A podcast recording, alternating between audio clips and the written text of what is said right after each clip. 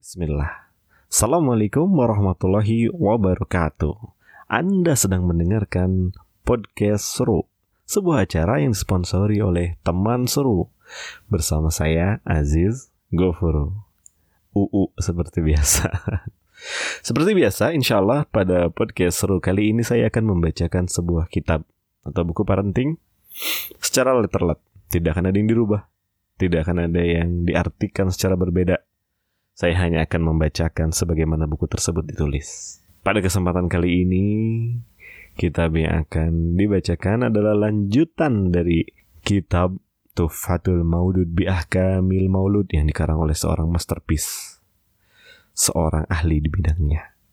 Seseorang yang diakui keilmuannya. Al-Imam Ibnul Qayyim rahimahumullah ta'ala. Oh iya, pada episode sebelumnya saya mengatakan bahwa yang akan kita bacakan kali ini adalah mukodimah dari pentahkik. Tapi ternyata halaman-halaman buku ini mengantarkan kita ke bagian berbeda, yaitu daftar isi.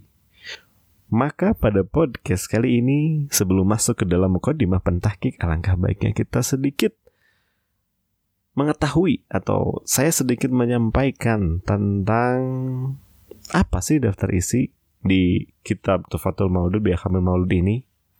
Tentu saja yang akan saya bacakan tidak semuanya, hanya judul-judul besarnya aja atau headline headline headlinenya saja. Baik, tanpa berlama-lama lagi, mari kita mulai. Daftar isi halaman 9 pengantar penerbit, daftar isi, Muqaddimah Pentahkik, Ibnul Qayyim Al-Jauziyah dan kitabnya Tufatul Maudud Biah Kamil Maulud, metode pentahkik kitab ini dan biografi Ibnul Qayyim Al-Jauziyah, halaman 10 Romawi, Muqaddimah Ibnul Qayyim Bab 1, anjuran memohon dikaruniai keturunan. Bab 2, larangan membenci anak perempuan. Bab 3, Anjuran memberi kabar gembira dan ucapan selamat kepada orang yang dikaruniai anak. Bab 4. Anjuran mengadzankan di telinga kanan bayi dan mengikomatkan di telinga kirinya. Bab 5. Anjuran melakukan teknik. Bab 6. Akikah dan permasalahannya. Halaman 11 Romawi. Bab 7. Mencukur rambut dan bersedekah senilai timbangannya. Bab 8. Hukum-hukum yang berhubungan dengan pemberian nama halaman 12 Romawi, bab 9, khitan dan permasalahannya. Halaman 13 Romawi, bab 10, hukum menindik telinga anak laki-laki dan anak perempuan. Bab 11, hukum air kencing anak laki-laki dan anak perempuan yang belum mengonsumsi makanan. Bab 12, hukum air liur bayi. Bab 13, dibolehkan membawa anak-anak dalam sholat meskipun kesucian pakaian mereka disangsikan. Bab 14, anjuran mengecup anak-anak. Bab 15, kewajiban mendidik dan mengajari serta berlaku adil kepada anak-anak. Bab 16, tips-tips mengurus anak agar tumbuh berkembang dengan baik. Bab 17, tahapan perjalanan manusia sejak terbentuk sperma hingga berhujung di surga atau di neraka. Seperti itu daftar isinya. Mari kita mulai ke dalam mukaddimah pentahkik. Seorang yang spesial, Syekh Salim bin Aid Al-Hilali rahimahullah taala salah satu murid dari Syekh Muhammad Nasaruddin Al-Bani rahimahullah taala. Halaman 1, Mukaddimah Pentahkik. Segala puji bagi Allah, kami memujinya, memohon pertolongan dan ampunannya. Kami berlindung kepada Allah dari kejahatan diri-diri kami dan keburukan amal perbuatan kami. Siapa yang diberi petunjuk oleh Allah, maka tidak ada yang dapat menyesatkannya. Dan siapa yang disesatkan olehnya, maka tidak ada yang dapat memberinya petunjuk. Aku bersaksi bahwasannya tidak ada ilah yang berhak diibadahi dengan sebenarnya kecuali Allah semata.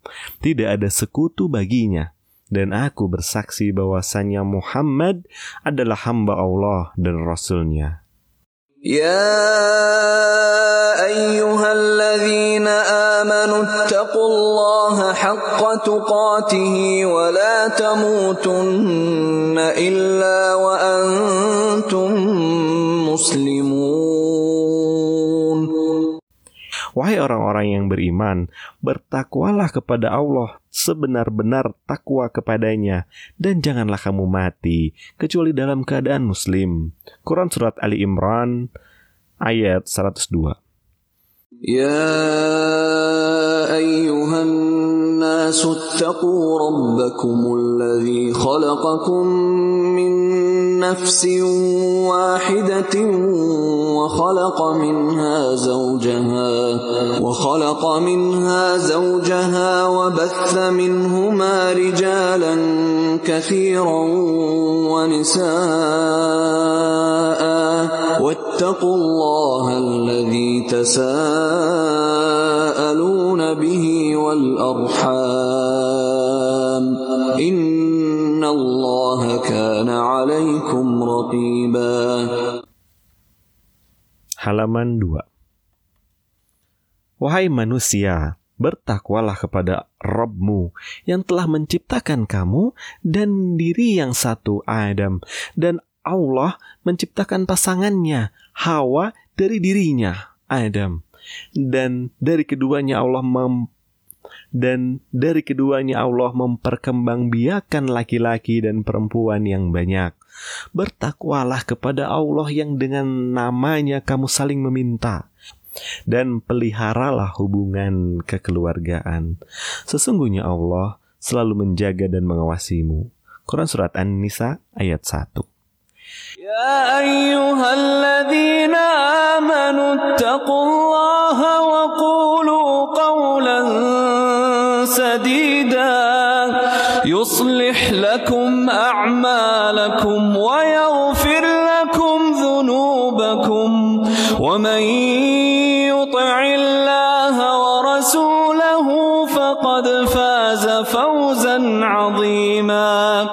Wahai orang-orang yang beriman, bertakwalah kamu kepada Allah dan ucapkanlah perkataan yang benar. Niscaya Allah akan memperbaiki amal-amalanmu dan mengampuni dosa-dosamu. Dan barang siapa mentaati Allah dan Rasulnya, maka sungguh dia menang dengan kemenangan yang agung. Quran Surat Al-Ahzab ayat 70 dan 71 amma ba'du. Sesungguhnya sebaik-baik perkataan adalah kalamullah Al-Quran dan sebaik-baik petunjuk adalah petunjuk Muhammad Sallallahu Alaihi Wasallam. Sejelek-jeleknya urusan dalam agama adalah perkara yang diada-adakan, sedangkan setiap perkara yang diada-adakan adalah bid'ah, dan setiap bid'ah itu sesat, dan setiap kesesatan berujung kepada api neraka. Anak keturunan adalah salah satu karunia yang dianugerahkan oleh Allah Subhanahu wa taala.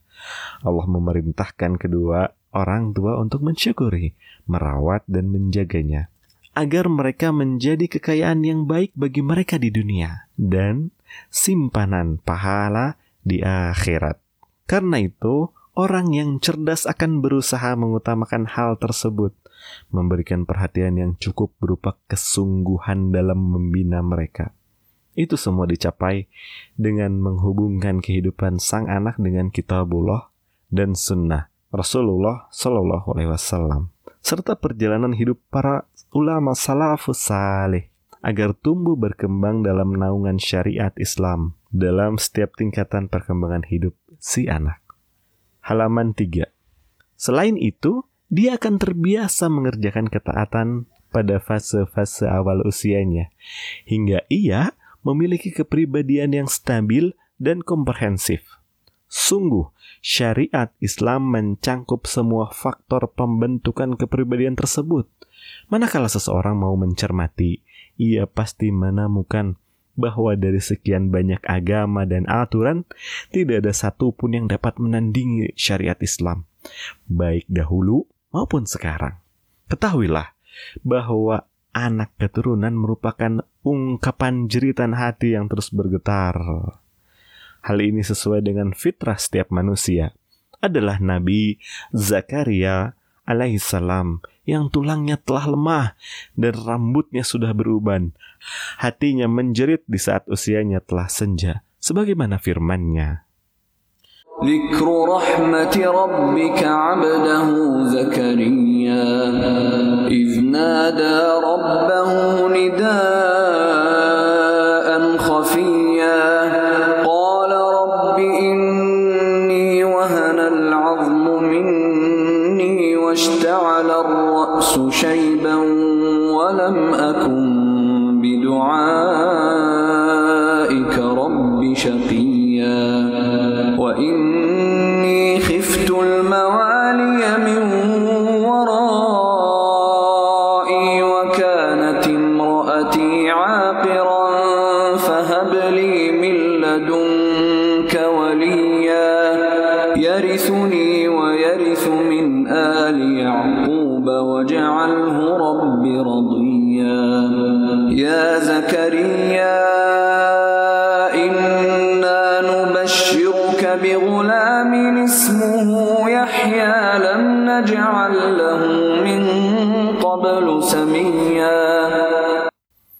Yang dibacakan ini adalah penjelasan tentang rahmat Robmu kepada hambanya Zakaria ketika ia berdoa kepada Robnya dengan suara yang lembut.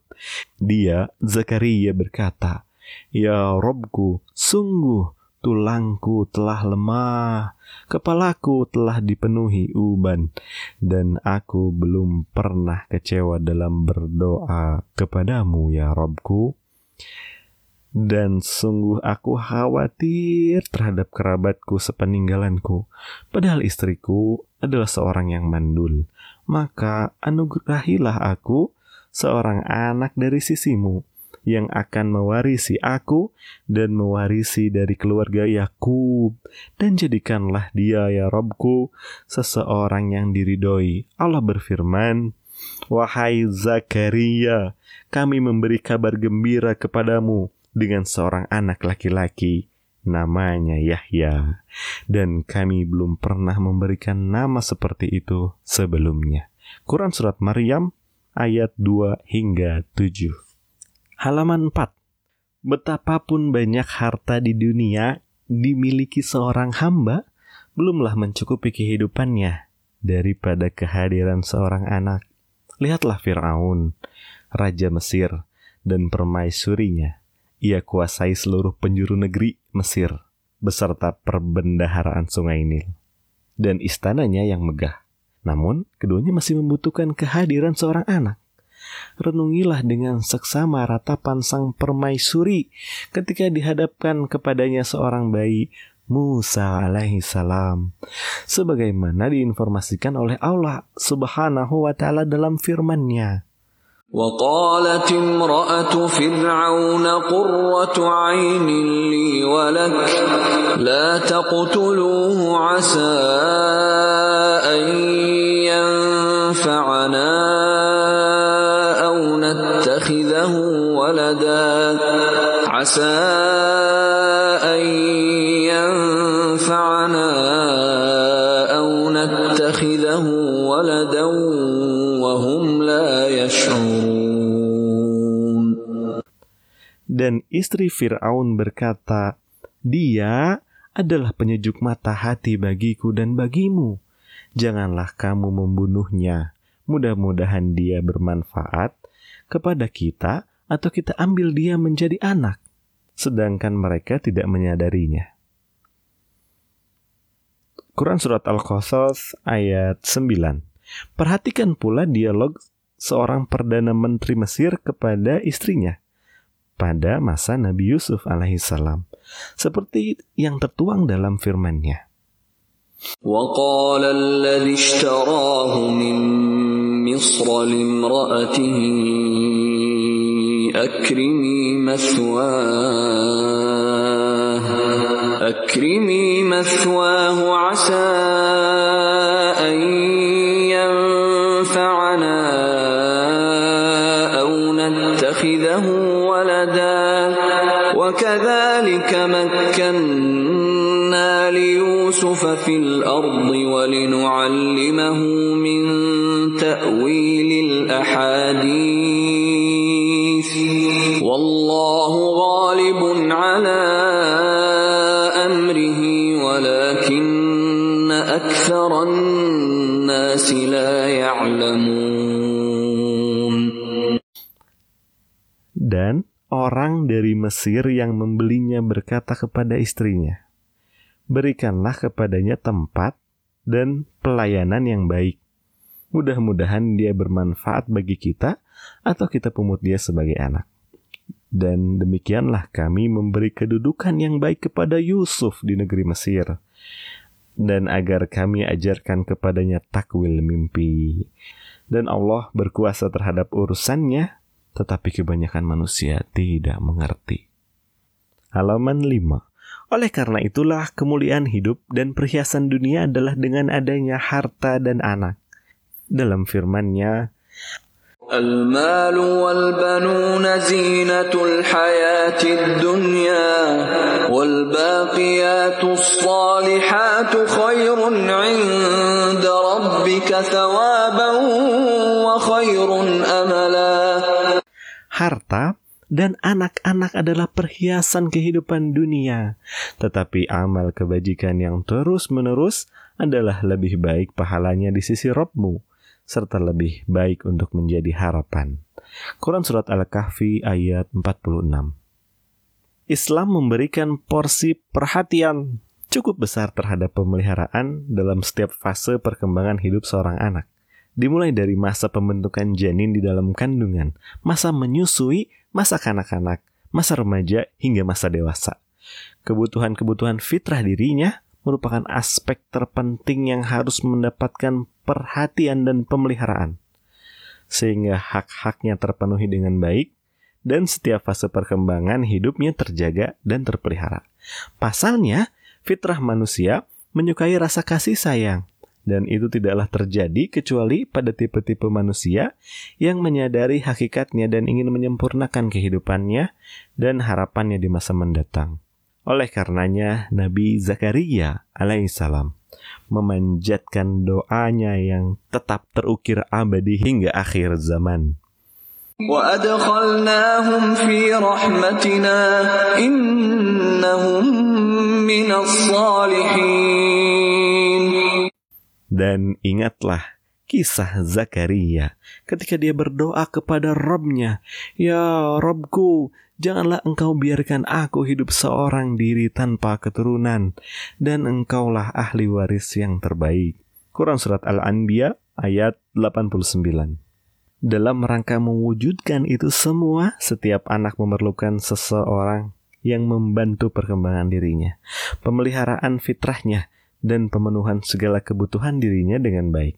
Di samping itu juga, kondisi lingkungan yang tepat dan sesuai dalam pergaulannya dan perkembangan psikologisnya, serta pembinaan dirinya dengan pendidikan yang baik. Halaman 6 dengan demikian, seorang pendidik dan pembina yang sukses adalah yang memahami dengan baik berbagai aspek hukum pendidikan anak, agar ia berhasil dalam aktivitasnya, beruntung dalam usahanya, di samping itu, secara khusus, seorang pendidik merupakan pusat percontohan dan suri teladan yang setiap generasi melihatnya sebagai pembina dan penasehatnya.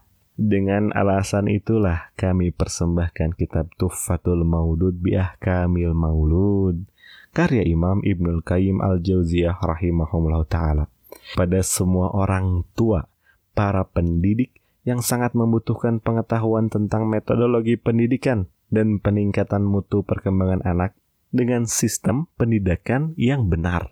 Buku ini tidak ada bandingannya dan belum pernah ada yang mengupas lebih dalam selainnya. Enak dibaca, menggugah orang yang mendengarkannya, menakjubkan bagi yang menyimaknya. Buku ini diperlukan oleh setiap orang yang telah diberikan karunia anak oleh Allah Subhanahu wa taala. Orang yang diminta oleh Allah untuk merawatnya. Materi-materi yang ada di dalamnya sangatlah menarik dan begitu berharga. Dalil-dalil berasal dari Al-Quran dan As-Sunnah, serta asar salafus saleh. Bukti-buktinya diambil dari hasil uji coba dan penelitian mendalam terhadap kehidupan keluarga. Penulis menyebutkan semua perkara yang terkait dengan kelahiran seorang anak manusia. Dimulai dari masa kelahiran ke alam dunia hingga ia menetap di alam akhirat. Saya berharap kehadiran buku ini menjadi salah satu sumbangsih saya, meskipun kecil dalam bidang pendidikan yang luas. Semoga Allah Subhanahu wa Ta'ala menjadikannya sebagai penyeru untuk membangunkan kesadaran umat dari kelalaian terhadap metode pendidikan Nabi. Sebagaimana telah terjadi dalam bidang pendidikan ini, hal-hal baru yang berasal dari umat yang menyalahi syariat dan rusak peradabannya dengan maksud mengikis identitas pola pendidikan Nabi serta menghancurkan sendi-sendinya. Halaman 7. Semoga Allah Subhanahu wa taala memberikan rahmatnya kepada saudaraku yang tidak segan-segan menyampaikan kritik dan nasihat dengan penuh amanat. Ketika mendapatkan kebenaran lalu meneguhkannya atau ia menemukan kesalahan lalu dibenarkannya.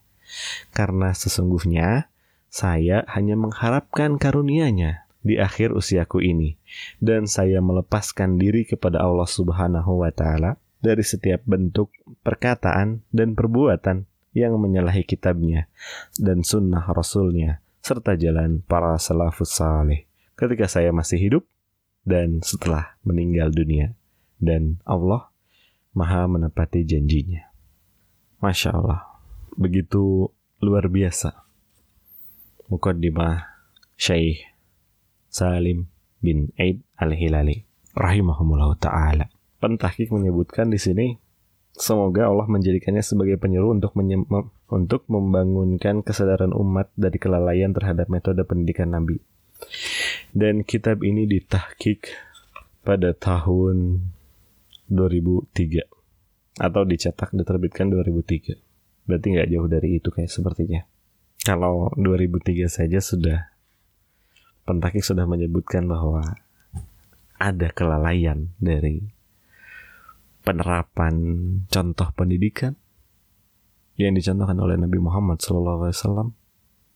Tidakkah hari ini kita melihat banyak pengabaian terhadap apa-apa yang dicontohkan oleh Rasulullah SAW, apa-apa yang diperintahkan oleh Allah Azza wa Jal, dan apa-apa yang di lakukan oleh salafus saleh.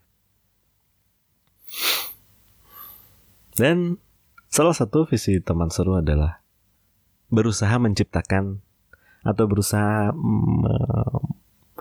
berusaha membangun atau ya berusaha menciptakan benih-benih generasi emas umat Islam pada masa yang akan datang. Dan sekali lagi kita hanya semoga Allah mudahkan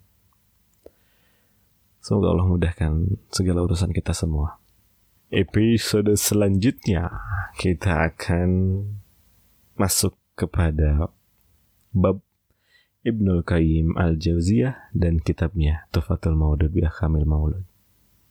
Ada beberapa yang akan dibahas seperti latar belakang penulisan, penerbitan kitab ini, metode pentahkikan kitab ini, dan setiap poinnya sangat menarik.